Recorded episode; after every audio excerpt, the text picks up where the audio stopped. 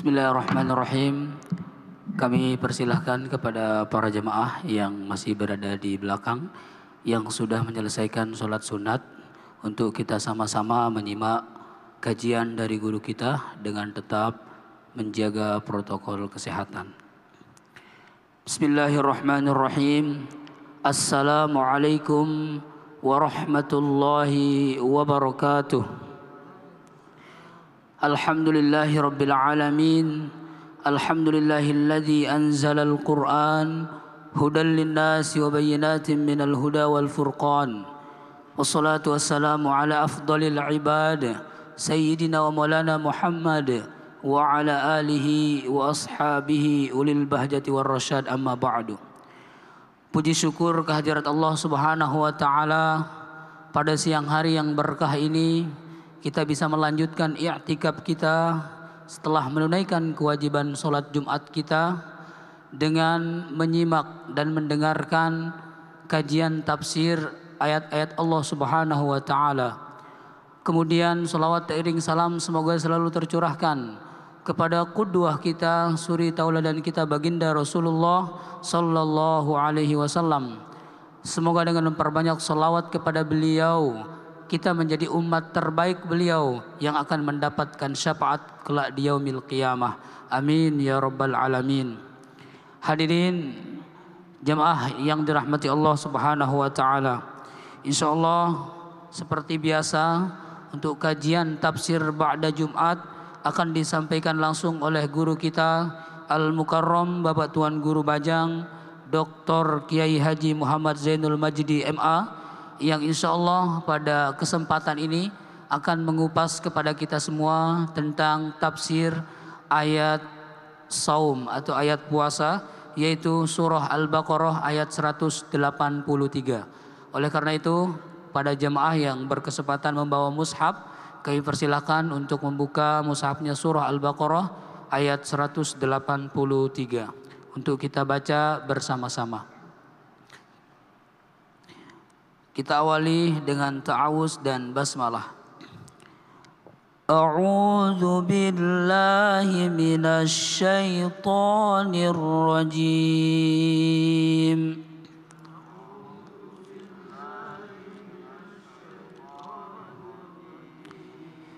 Bismillahirrahmanirrahim.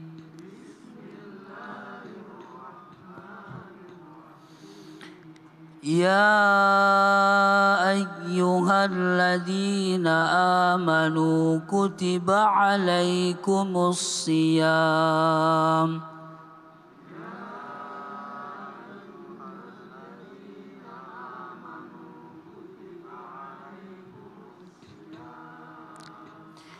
كما كتب على الذين من قبلكم لعلكم تتقون.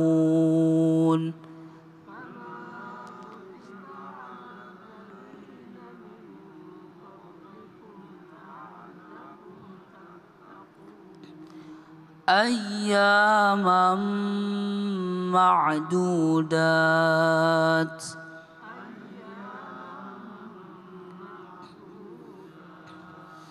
فمن كان منكم مريضا أو على سفر فعدة.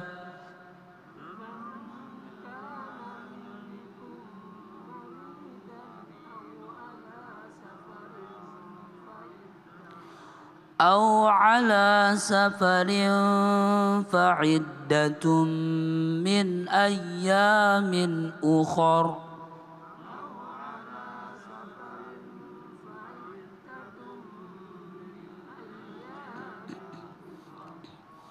وعلى الذين يطيقونه فدية طعام مسكين.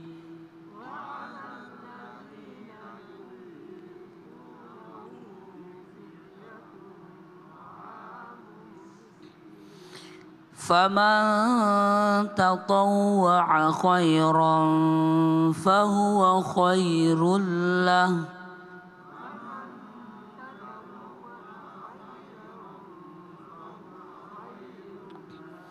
وأن تصوموا خير لكم إن كنتم تعلمون.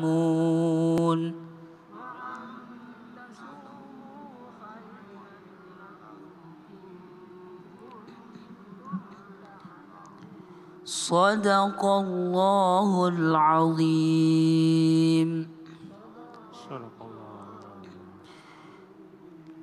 Selanjutnya kami persilahkan kepada Al-Mukarram waktu kita sampai dengan pukul 14.00. Bismillahirrahmanirrahim. Assalamualaikum warahmatullahi wabarakatuh. Alhamdulillah wassalatu wassalamu ala habibina Rasulillah wa ala alihi wa sahbihi wa man wala ba'd. Hari ini kita lanjutkan bacaan kita sebagaimana kita sepakati dari minggu yang lalu bahwa kita masuk pada ayat-ayat tentang puasa sebagai bagian dari persiapan kita untuk masuk dalam bulan suci Ramadan dan menjalani atau menjalankan ibadah puasa. Mudah-mudahan dengan kefahaman ibadah kita menjadi berkah di sisi Allah Subhanahu wa taala. Terakhir kita berhenti pada 135 ya. Qul kunu hudan aw nasara tahtadu ya. Qul bal millata Ibrahim hanifan wa ma kana minal musyrikin. Lalu kita masuk ke ayat 183 pada hari ini. Alhamdulillahnya Bapak-bapak Saudara, ayat terakhir yang kita baca itu tentang Nabi Ibrahim ya. Dan agamanya Lalu kita lanjut tentang puasa yang juga merupakan bagian dari milat Ibrahim ya. Bagian dari uh, ajaran yang juga ada pada uh, ajaran Nabi Ibrahim alaihissalam dan kita sudah bahas pada minggu yang lalu sedikit ya kita lanjutkan hari ini. A'udzu. Bismillahirrahmanirrahim. Ya ayyuhalladzina amanu Wahai orang-orang yang beriman Kutiba alaikumus siyam Diwajibkan atas kalian semua Asyam yaitu berpuasa. Kama kutiba alal ladzina min qablikum Sebagaimana telah diwajibkan atas orang-orang sebelum kalian. Sebelum itu merujuk kepada umat dan kepada nabi.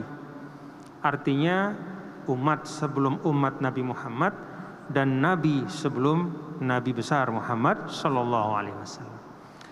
La'allakum tattaqun agar kamu semua bertakwa ayyaman ma'dudat.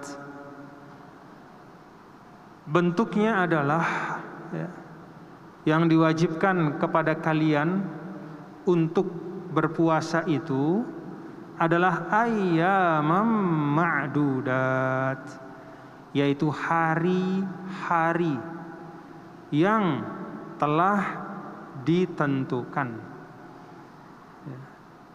hitungannya ya, yaitu satu bulan penuh dan masanya yaitu dari fajar sampai maghrib. Faman kana minkum maridan aw ala safarin fa'iddatum min ayyamin ukhar dan barang siapa famangkana barang siapa minkum dari kalian maridon sakit. Au ala safarin atau berada dalam perjalanan. Fa'iddatum min ayyamin ukhar. Maka kemudian dia memilih ya, memilih untuk tidak puasa. Fa'iddatum min ayyamin ukhar maka dia mengganti sebanyak ya, sebanyak yang dia tidak puasakan itu min ayyamin ukhar ya, dari hari-hari yang lain yaitu di luar Ramadan maksudnya. 'alal ladzina yutiqunahu fidyatun ta'amu miskin. Dan atas mereka ya, atas mereka yang berat menjalankannya fidyatun ta'amu miskin. Gantinya adalah mengeluarkan ya, fidyah. Fidyah itu sebenarnya artinya pengganti. Ya. Ta'amu miskin yaitu kadar yang biasa dimakan oleh seorang manusia dan diberikannya kepada miskin yaitu orang yang miskin. Faman tatawwa'a khairan fahuwa khairul lah. Dan barang siapa ya, yang dengan tatawwa'a dengan kerelaan ya, melakukan satu kebaikan fahuwa khairul lah. Maka itu lebih baik baginya khairul lakum dan puasamu itu khairul lakum lebih baik bagi kalian in kuntum ta'lamun kalau kalian tahu atau mengerti. Hadirin yang dirahmati Allah kita baca dua ayat dulu ya. Wahai orang-orang yang beriman insyaallah ya. Kita lihat bagaimana Al-Qur'an Al-Quran itu memang tidak pernah bicara ya tentang urusan-urusan materi ya. Tidak pernah bicara tentang tinggi tinggi pendek, besar kecil, ya. putih tidak putih, laki perempuan secara khusus ya. Tapi selalu Al-Quran itu masuk ke dalam hal yang paling mendasar, yang paling penting. Ya. Apa itu iman? Wahai orang-orang beriman. Jadi Al-Quran itu me menyasar hati kita. Karena iman itu kan bukan bukan di muka tempatnya.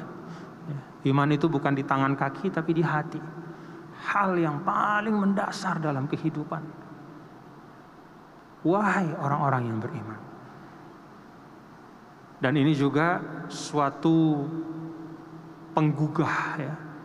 Artinya siapa saja yang merasa dirinya beriman, simak ini.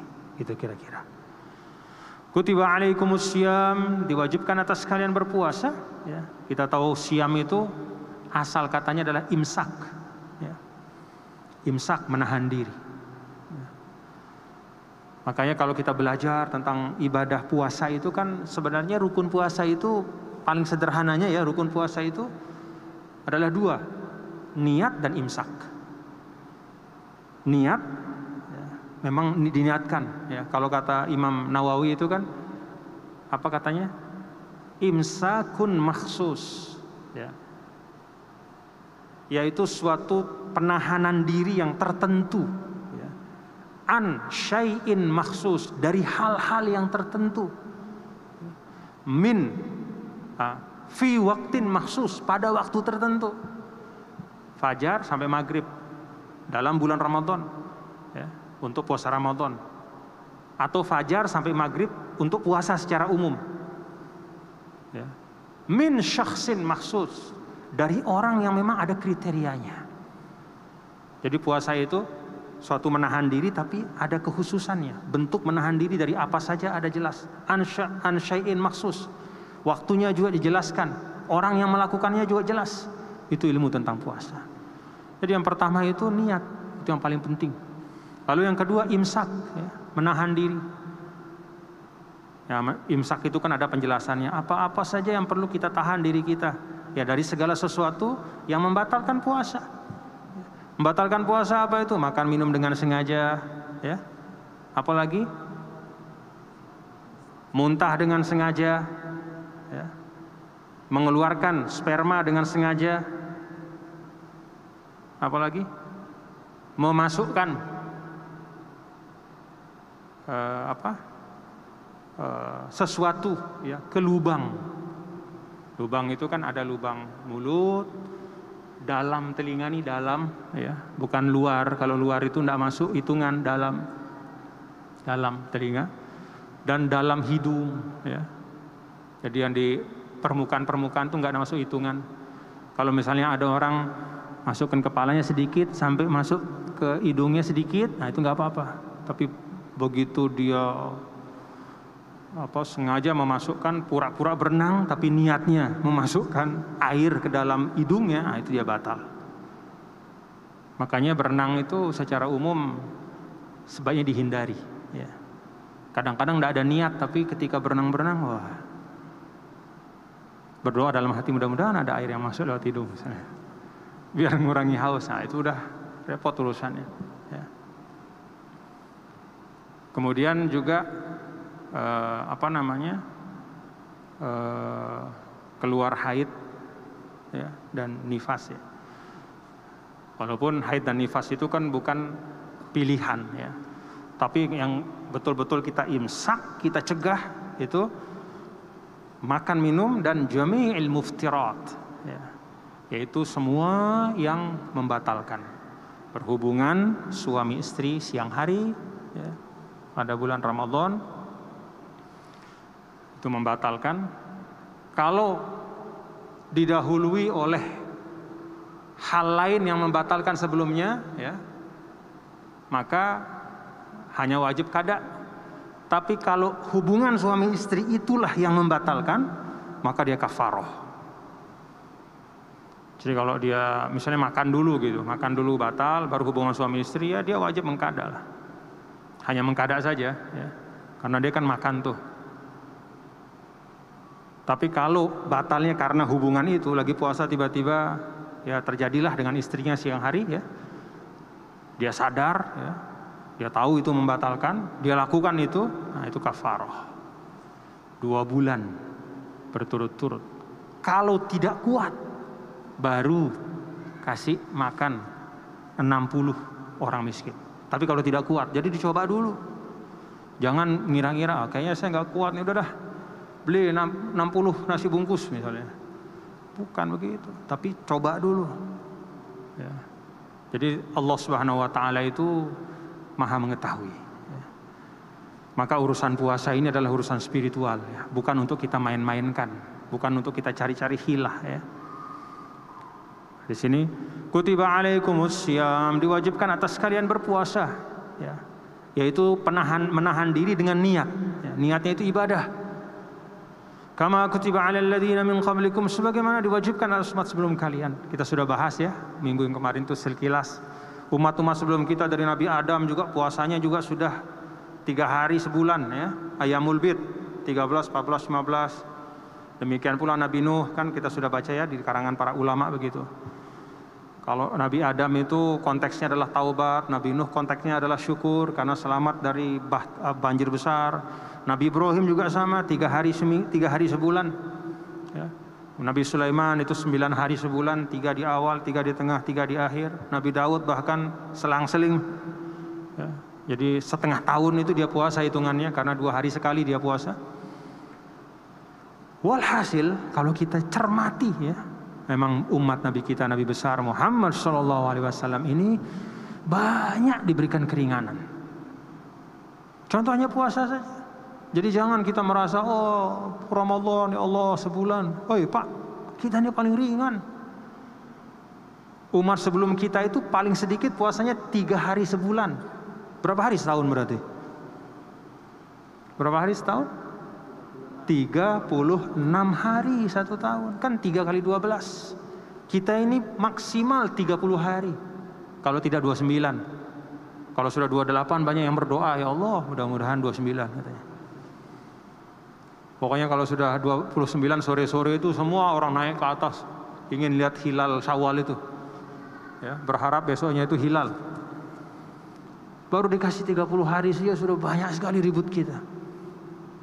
Padahal kita berkelimpahan seperti ini. Ya, coba kita lihat dalam sejarah peradaban itu.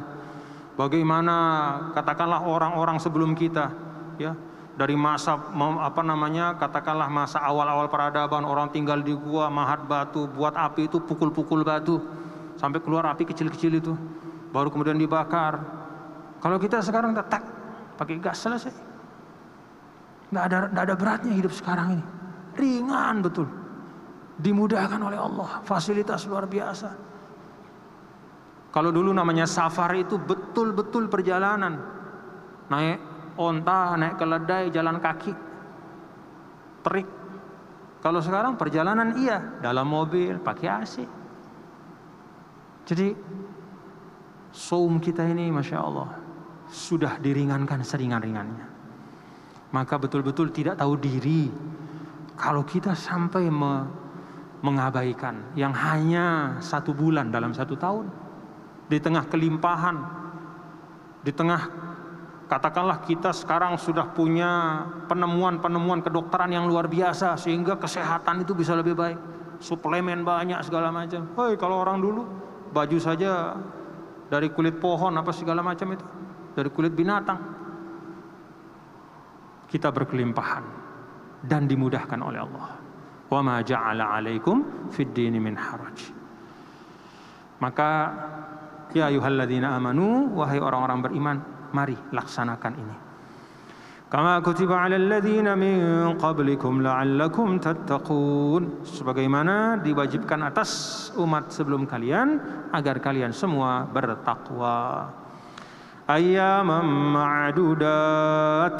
Nah, ini juga yang tadi kita bahas sedikit ya ayamam ma'dudat. Hanya beberapa hari saja gitu kira-kira. Hanya beberapa hari saja. Ma'dudat masih bisa dihitung. Jadi rumusannya bukan seperti Nabi Daud sekali puasa sekali buka. Ya, rumusannya bukan tiga sembilan hari satu bulan seperti Nabi Sulaiman. Kita ini hanya 30 hari maksimal dalam satu tahun. Kalau tidak 29 ayyaman ma'dudat. Hanya sedikit Allah minta dari hari-hari kita yang banyak itu. Yang kita habiskan untuk segala macam urusan itu. Allah hanya minta sedikit saja. Ayyaman. Hanya beberapa hari saja. Tambah lagi ma'dudat. Kata ayyaman saja itu menunjukkan bentuk plural yang terbatas. Ya, ayyaman beberapa hari, hari-hari tapi masih bisa dihitung. Tambah lagi disifatkan ma'dudat. Bisa dihitung, dibatasi yaitu pada bulan Ramadan saja. Nah, karena itu kemudian Masya Allah, ini coba perhatikan lagi ya. Faman kana minkum maridan aw ala safarin fa'iddatum min ayyamin ukhra maka barang siapa di antara kalian itu sakit, coba. Jadi dari awal ini adalah tonnya ya. Ayat-ayat tentang puasa ini bukan ayat tentang pembebanan tapi peringanan. Coba baca dari awal.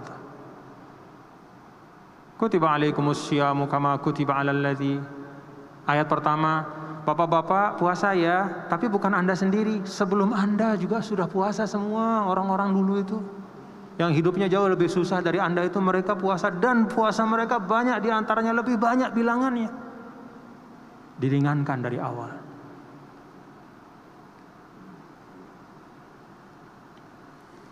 Tambah lagi ayam ma'duda, tambah lagi faman kana minkum maridun aw ala safarin fa'iddatum min ayyamin ukhra. Maka barang siapa di antara kalian itu sakit ya, tapi ini marot yang bukan sembarangan sakit ya. Jadi marot ini maksudnya adalah marodun yukhafu minhu doror, yukhafu minhul halak itu. Yang pertama sakit yang dikhawatirkan akan lebih berat lagi dan membawa kepada suatu musibah ya, yang berujung pada al-halak, kematian. Bagaimana kalau pusing? Ya pusing bukanlah pak. Ya, jadi jangan pusing-pusing sedikit lah sakit itu ini katanya kalau bahasa saknya. Ambil paramek, ya. ya. Allah Ta'ala memberikan kita kemudahan tapi jangan memudah-mudahkan agama. Allah memberikan kita keringanan tapi jangan meringan-ringankan agama. Au ala safarim atau berada dalam perjalanan ya. perjalanan ini disebut secara mutlak ya. Walaupun kemudian para ulama itu menjelaskan ya, perjalanan kayak apa sih yang boleh untuk orang itu tidak puasa ya. Pertama, perjalanan yang laisa safaro maksiatin. Itu yang pertama. Dia niatnya bukan niat maksiat. Kalau orang berangkat dari sini pergi ke Jakarta, niatnya adalah untuk bacok orang misalnya, tidak boleh dia, tidak puasa. Uh, tapi kan jauh sampai Jakarta. Ah, safarnya safar maksiat. Maka harus safar yang paling tidak safar mubah, yaitu perjalanan yang dibolehkan oleh agama. Pergi berdagang, pergi silaturahim, ya.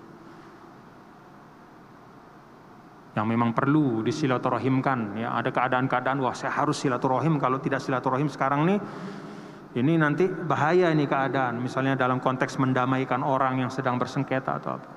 Tapi tidak boleh juga kalau sengaja-sengaja ayo kita silaturahim tunggu bulan puasa lah kita silaturahim jadi pas bulan puasa dia pergi sengaja silaturahim yang bisa dia lakukan di luar aja aman tidak boleh begitu. Jadi safar mubah boleh ya, safar mubah apalagi kalau safar wajib ya. orang tuanya nelpon nak datang sekarang juga Orang tuanya misalnya di Merauke sana. Nak, datang sekarang. Itu dalam Islam tidak pakai babi bu, berangkat langsung. Nah, kalau berangkat melaksanakan suatu perjalanan memenuhi panggilan orang tuanya, ya, nah dia boleh masuk di situ. Jadi kalau tidak mubah yang wajib, tapi safar maksiat tidak. Ya. Nah di sini disebutkan ya, فمن كان مرين فمن كان منكم مريضا أو على سفر فعدة من أيام أخر ya. orang yang keadaannya seperti ini orang yang sakit ya dan dia khawatir kalau dia puasa sakitnya akan semakin berat ya atau orang yang tengah berada dalam perjalanan perjalanan yang boleh yang tidak terlarang ya. Sebagian ulama memberikan batasan paling tidak jaraknya 83 kilo. Sebagian ulama mengatakan 89 kilo. Ya. Dan dia memilih untuk tidak puasa, nah, maka ya, maka iddatum min ayamin ukhar. Dia ganti iddatun sejumlah sejumlah yang dia tinggalkan min ayamin ukhar hari di luar Ramadan. Karena itu kata ulama kan itu kada namanya. Puasa yang wajib itu ya, pertama puasa Ramadan, kedua puasa kada Ramadan. Wajib. Ketiga puasa nazar. Nazar itu mewajibkan sesuatu yang tidak wajib. Karena kita mewajibkannya, maka jadi wajib gitu. Kalau uh, apa misalnya? Kalau Islamic Center ini jadi, saya bernazar mau puasa tiga hari. Nah, berarti wajib bagi yang bernazar itu. Yang keempat yang wajib itu puasa kafaroh, bayar yang tadi itu. Misalnya yang berhubungan suami istri. Jadi puasa yang wajib ya, asolatan itu Ramadan saja. Lalu ada puasa yang wajib karena sebab tertentu. Puasa kadak Ramadan ya karena meninggalkan beberapa hari ya. Atau seluruh Ramadan misalnya dia tinggalkan karena sakitnya berkepanjangan, bisa. Puasa nazar dan puasa kafarah. Itu yang wajib ya. Nah, wa 'alal ladzina yutiqunahu fidyatun ta'amu miskin dan bagi orang-orang atas orang-orang yutiqunahu nah ini ini ada beberapa penafsiran ulama di sini ya sebagian ulama mengatakan kalau di bagian awal tadi Allah taala berbicara tentang keringanan untuk orang yang sakit dan orang yang berada dalam perjalanan boleh tidak puasa lalu mengkodoknya di luar Ramadan wa 'alal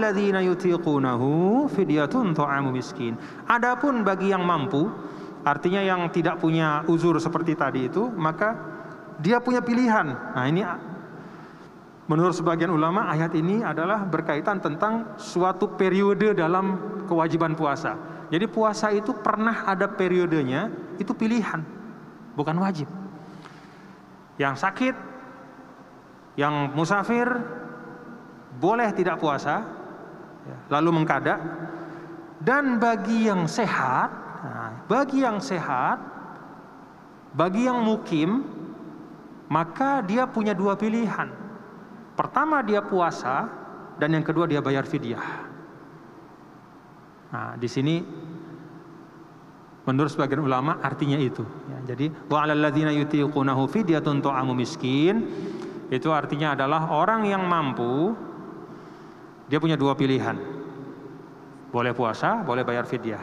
Ini di tahap awal. Ya. Lalu kemudian pada ayat berikutnya itu syahrul Ramadan alladzi unzila fil Qur'an hudalin wa bayyinatin minal huda wal furqan faman syahida minkum syahra falyasum. Nah, itu menasah, menghapus. Kalau pertama di awal-awal itu dikasih dua pilihan, orang yang sehat boleh puasa atau tidak bayar fidyah. Ya, kalau sakit dia kodok. Nah, setelah turun ayat berikutnya, faman syahida minkum syahra falyasum. Maka bagi nah, yang mampu yaitu yang tidak sakit, tidak musafir, tidak ada halangan, maka syahida minkum syahra falyasum. Itu menjadi kewajiban fardu ain gitu. Itu menurut, penafsiran yang pertama ya. Jadi ini bicara tentang ada suatu tahapan proses ya. Ada juga ulama yang mengatakan bahwa Wa 'alal ladzina yutiqunahu itu artinya adalah bagi yang berat sekali melaksanakannya, ya. Berat sekali melaksanakannya walaupun dia mampu. Ya. Masuk kategorinya apa? Orang yang tua sekali. Ya, al-harim. Tua sekali. Laki perempuan lah. Ya orang sudah terlalu tua itu dia puasa mungkin bisa tapi palang dia mungkin nanti ya lemas ya. Atau juga termasuk al-murdi ya, yaitu uh, yang sedang menyusui, wal hamil atau yang hamil. Nah, untuk yang seperti itu, ya, yaitu bagi yang kalau melaksanakan puasa dia akan sangat letih, ya, fidyatun to'amu miskin, maka dia boleh untuk mengeluarkan fidyah pengganti puasanya. Kalau orang sudah terlalu tua, dia tidak wajib kodok. Mau kodok kapan? Kan semakin tua dia. Ya, kalau kalau sakit, sakit biasa tuh, misalnya orang masih sehat, sakit, ya dia diharapkan sembuh kan, begitu. Masih muda, bisa dia nanti kata. Tapi kalau orang yang sudah terlalu tua, ya dia fidyah saja. Demikian juga orang yang sakit yang tidak diharapkan bisa sembuh. Ya. Sakitnya itu sudah sakit yang Menurut ilmu kedokteran la yurjabar uhu, udah enggak, susah dia sembuh. Maka dia tidak wajib mengkodok, dia dibayarin fidyah ya, dari hartanya oleh keluarganya. Mungkin dia tidak sadar ya, atau sudah terlalu sakit sehingga ya orang keluarganya yang dia bayarin fidyah. Fidyah itu adalah fidyah itu apa namanya itu mood mood itu uh, apa ya Ya kalau kata sebagian ulama itu kira-kira seperempat dari zakat fitrah. Kalau zakat fitrah itu dua setengah kilo, ya seperempatnya itu berapa itu? 600 gram lah. Ya, 650 atau 700 gram lah. Itu yang harus dikeluarkan setiap hari. Bagi orang yang sakit dan tidak bisa diharapkan dia sembuh. Bagi orang yang tua, sudah terlalu tua, laki maupun perempuan, bagi yang uh, hamil ya. dia khawatir dirinya kalau dia puasa nanti bahaya buat dirinya dia bayar fidyah khawatir dirinya dan bayinya ya. Dia bayar fidyah. Itu ada ada beberapa penjelasan dari para ulama. Termasuk juga orang yang murdi yaitu orang yang menyusui ya. Itu juga bayar fidyah ya. Kalau dia mengkhawatirkan kesehatan dia dan kesehatan bayinya. Khairan fahuwa khairul lah.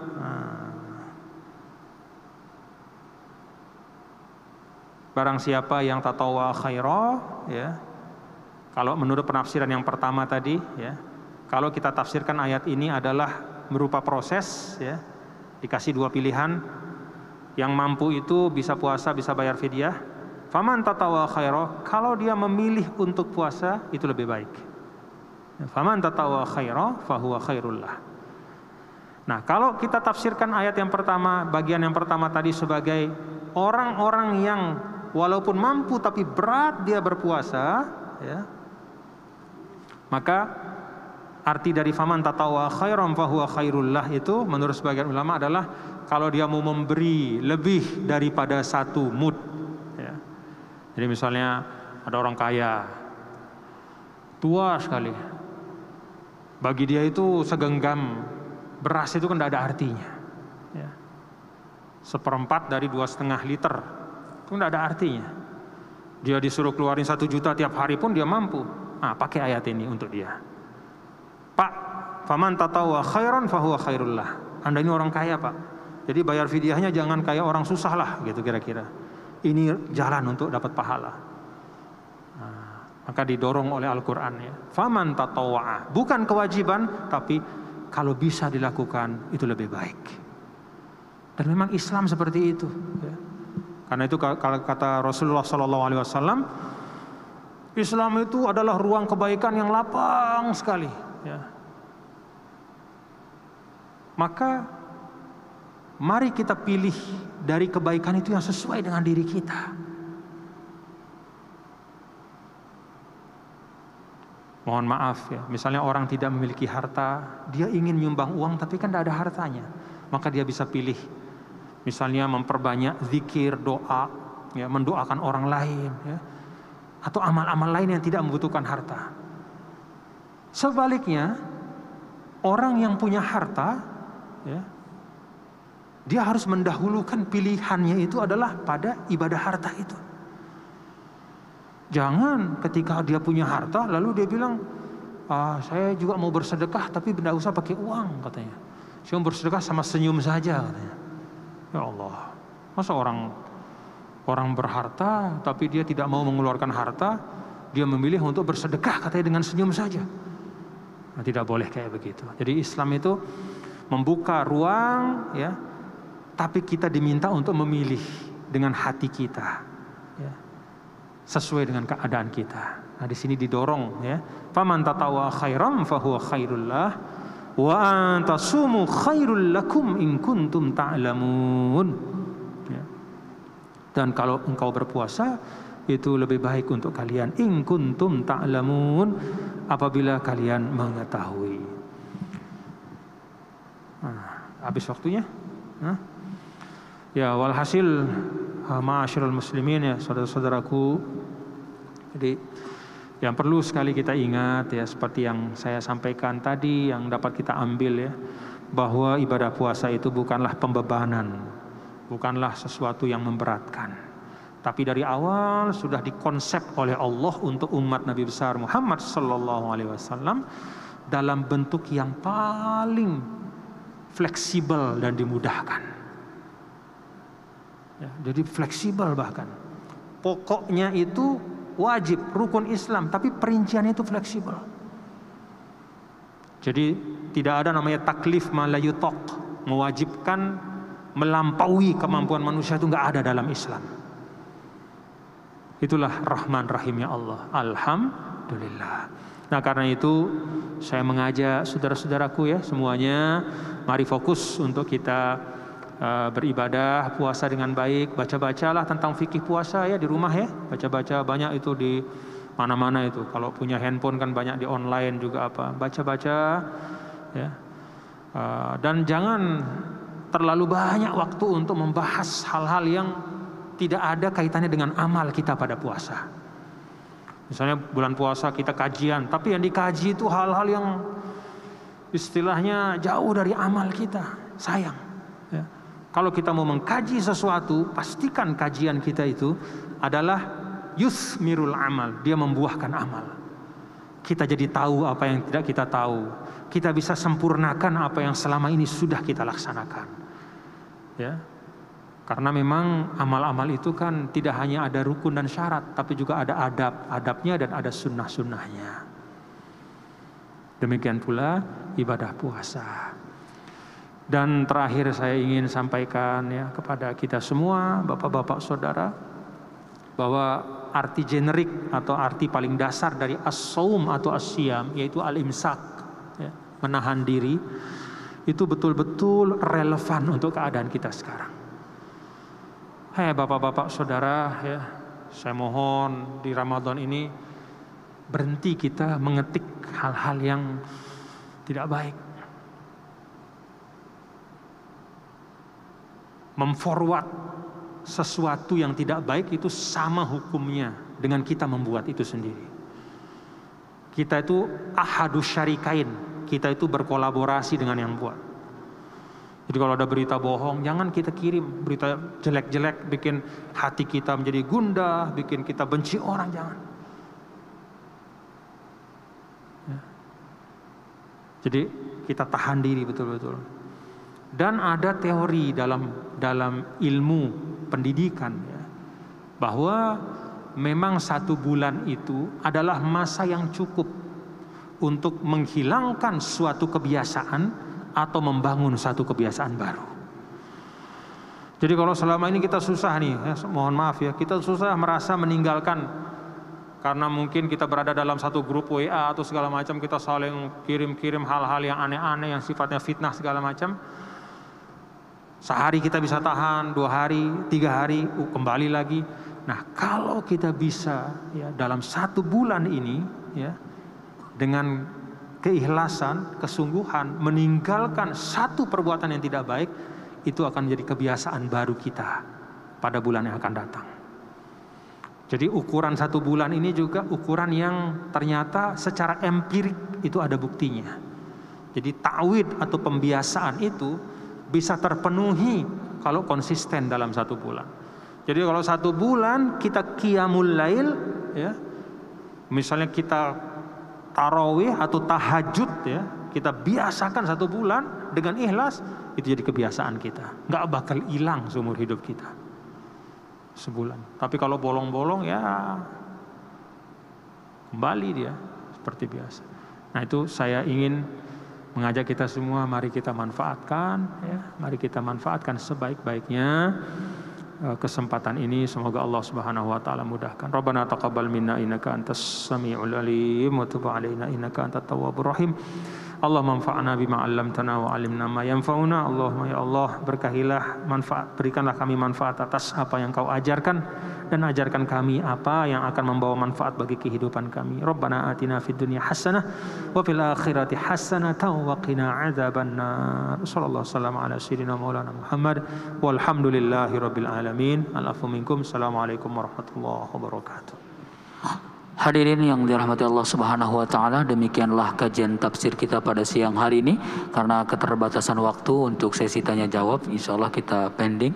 Jadi untuk lebih berkah kajian kita marilah kita sama-sama akhiri dengan melafazkan hamdalah dan doa akhir kafaratul majlis. Alhamdulillahirabbil alamin. Subhanakallahumma wa bihamdika asyhadu an la ilaha illa anta astaghfiruka wa atubu ilaik. Terima kasih atas segala perhatian dan mohon maaf kalau ada kekurangan. Wabillahi taufiq wal hidayah. Wassalamualaikum warahmatullahi wabarakatuh.